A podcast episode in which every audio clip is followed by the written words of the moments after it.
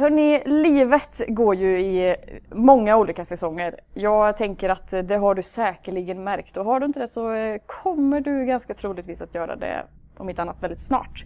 Och den här tiden som vi är i just nu, den är ju eh, märklig och väldigt speciell och eh, lite knäpp på många olika sätt. Vi är i en tid som, som påverkar oss dels som individer men också som samhälle och som land. Och som sagt, även personligt så påverkar den här tiden som vi är oss i. Kanske så sitter du i karantän hemma, kanske är du isolerad, eh, kanske känner du oro eller så är du inte så berörd av allt det här som händer. När jag förberedde mig för den här predikan så, eh, ja, men så upplevde jag hur jag bara ska påminna om att Jesus är Herre. Och det är det som den här predikan kommer att handla om idag.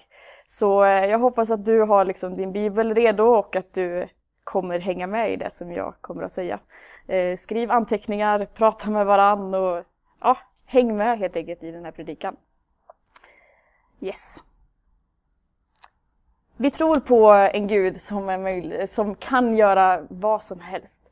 Ingenting är omöjligt för Gud. Han är så stor, så mäktig. Han är den som håller hela världen i sin hand. Han har himlen i sin hand, han har jorden i sin hand. Han har dig och mig i sin hand. Och han är den högste av allt och alla. Och ändå så, så vill han ha en relation med dig och mig. Och det är så fantastiskt och så stort att han som är den högste guden, han som är himmel och jordens skapare, att han vill ha en relation med just mig. Att han ser till mig, att han känner mig, att han, han vet precis vem jag är och han älskar mig som sitt eget barn. Det är fantastiskt. Och han sträcker liksom ut sin hand till, till oss var och en och säger kom och följ mig. Det är liksom Jesu ord till hans lärjungar, hans första efterföljare som han får möta. Då säger han just kom och följ mig. Och eh, men vi ska läsa en text ifrån Markus evangeliet kapitel 4. Och det är en ganska välkänd text eh, om eh, ja, men när Jesus stillar stormen. Så kanske har du hört den, kanske har du inte det. Men vi eh, ska läsa det tillfället och då är det just att Jesus tillsammans med sina lärjungar ska liksom flytta sig från en plats till en annan.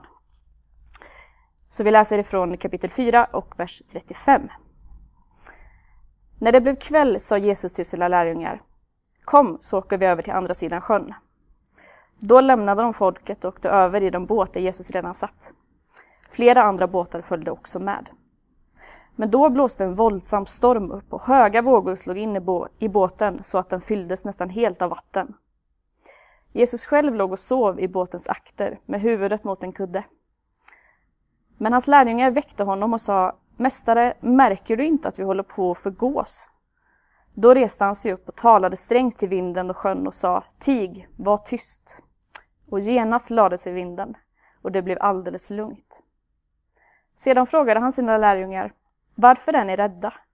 Har ni fortfarande svårt att tro? Förskräckta sa de till varandra vem är han som till och med vinden och sjön lyder?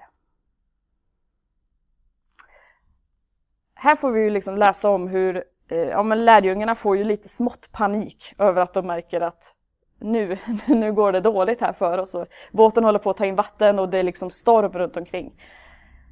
Men sen så är det ju antagligen någon som kommer på eh, liksom den briljanta idén av att så här, ja men just det, eh, Jesus är ju med oss i båten. Han kanske kan lösa den här situationen åt oss. Eh, för de var ju ganska hjälplösa där ute på havet och visste liksom inte vad de skulle göra. Och de eh, ja, men liksom ber lite försiktigt så här. Hallå, väcker honom Jesus där? Eh, och direkt så förstår Jesus situationen och han talar till stormen att den ska tystas och direkt så gör den det. Och det är ju liksom, det är så coolt. Han, han kan stilla en storm. Och jag tänker i den tiden som vi är just nu så är det ju mycket som är stormigt. Jag tror att det är därför jag har blivit påmind om den här texten. För att det är mycket som stormar runt omkring just nu och man kan känna precis den här oron som kanske lärjungarna hade där i båten. Den kan vi känna idag också. Och då vill jag bara påminna om att Jesus är på vår sida och han kan stilla varje storm. Även om den har med vatten att göra eller om den har med liksom en inre storm att göra. Så är han mäktig att kunna stilla den stormen. Jag tänker att lärjungarna hade ju inte vandrat med Jesus jättelänge när de var med om det här. Och kanske var det just därför som det inte var deras första tanke att eh, ja men just det, vi har ju med Jesus att göra, han är ju med oss här, han kan hjälpa oss ifrån den här situationen.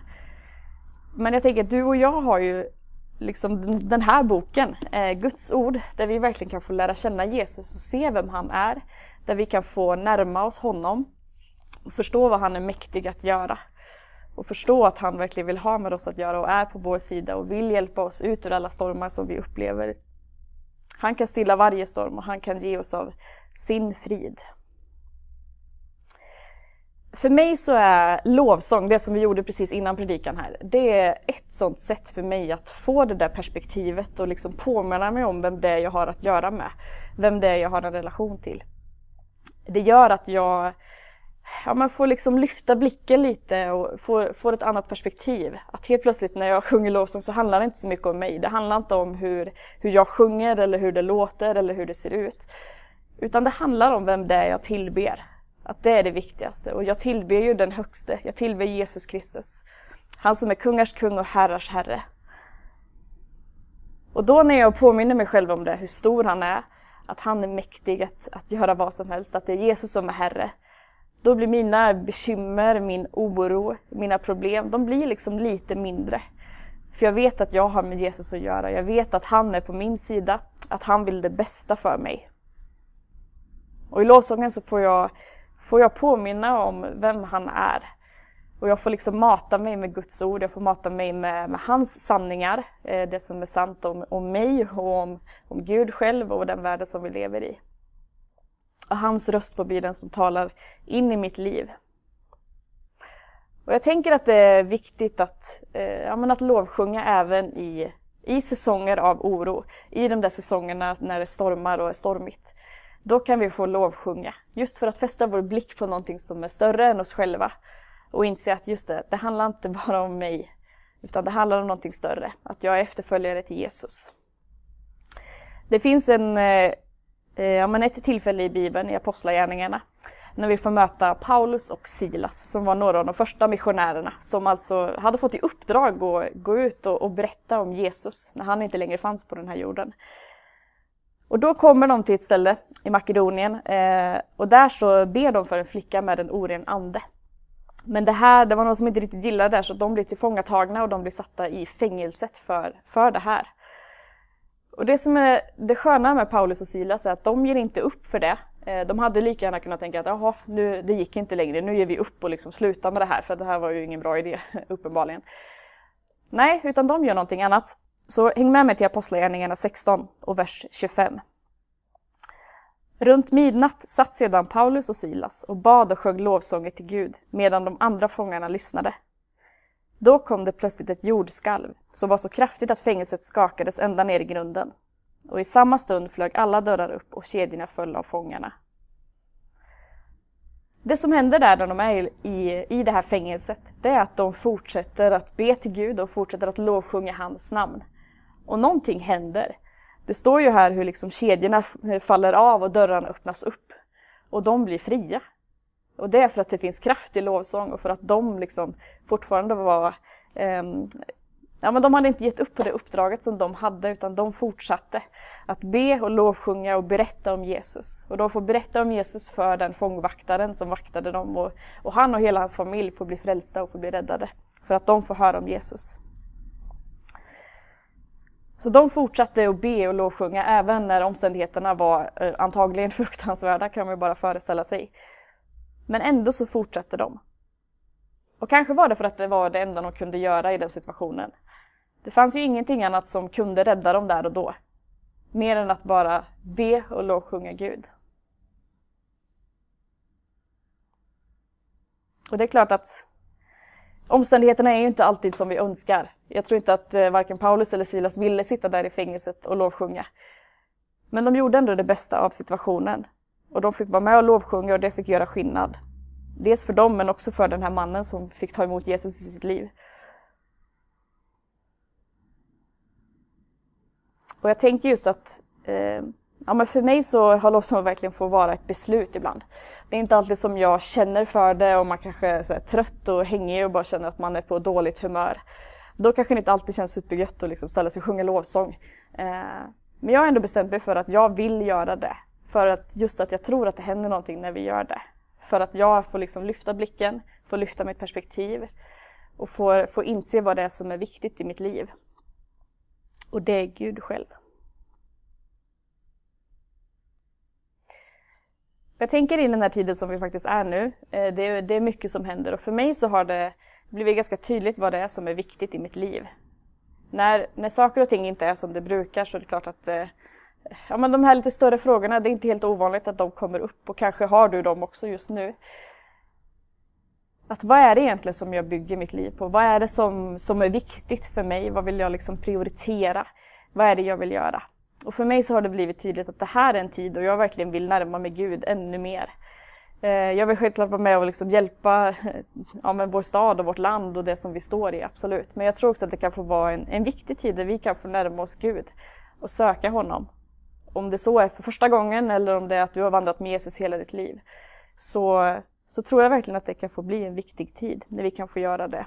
Och när vi gör det så, så tror jag att den där oron som vi många bär på, att den blir lite mindre för att det är en stor Gud som vi har att göra med. Att det blir hans röst som får, får tala liksom tydligare än den där oron som, som också finns där och den kanske kommer finnas där. Jag tror att det är viktigt att vi påminner oss om vilken röst det är vi lyssnar på.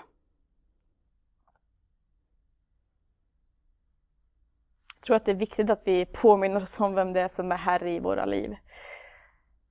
Att, att vi är Guds barn, att vi är älskade av honom, att vi är helt och hållet i hans hand, att han är den som beskyddar oss, att han är den som vill ge oss av sin frid, sin kärlek för oss var och en. Och allt han säger till, till dig och till mig är kom, följ mig, närma er, mer, närma er mig. Och just den frågan vill jag skicka med till dig, eh, antingen om du sitter själv och tittar på detta eller om ni gör det som en grupp prata gärna om det eller tänk själv, skriv ner lite tankar. Att, ja, men hur kan du som, eh, som individ, men också ni som en gemenskap, hur kan ni göra för att leva nära Gud i den här tiden som är just nu? Vad kan man göra rent konkret och vad är det ni längtar efter i gemenskap med Jesus? Och till sist så vill jag läsa två stycken bibelord. Eh, med lite hopp och frid som jag tänker att vi behöver påminna oss om, Guds löften helt enkelt. Och det första är från eh, Johannes evangeliet kapitel 14 och vers 26. Då står det så här. Men hjälparen, den heliga anden, som, eh, som Fadern ska sända i mitt namn, han ska lära er allt och påminna er om allt jag har sagt. Jag lämnar frid efter mig. Min frid ger jag åt er. Jag ger er inte det som världen ger. Låt inte era hjärtan oroas och var inte ängsliga. Och sen ska jag också läsa eh, en psalm och det är psalm 121 och jag läser från en översättning som heter The Message. Jag blickar bort mot bergen. Får jag min styrka från bergen?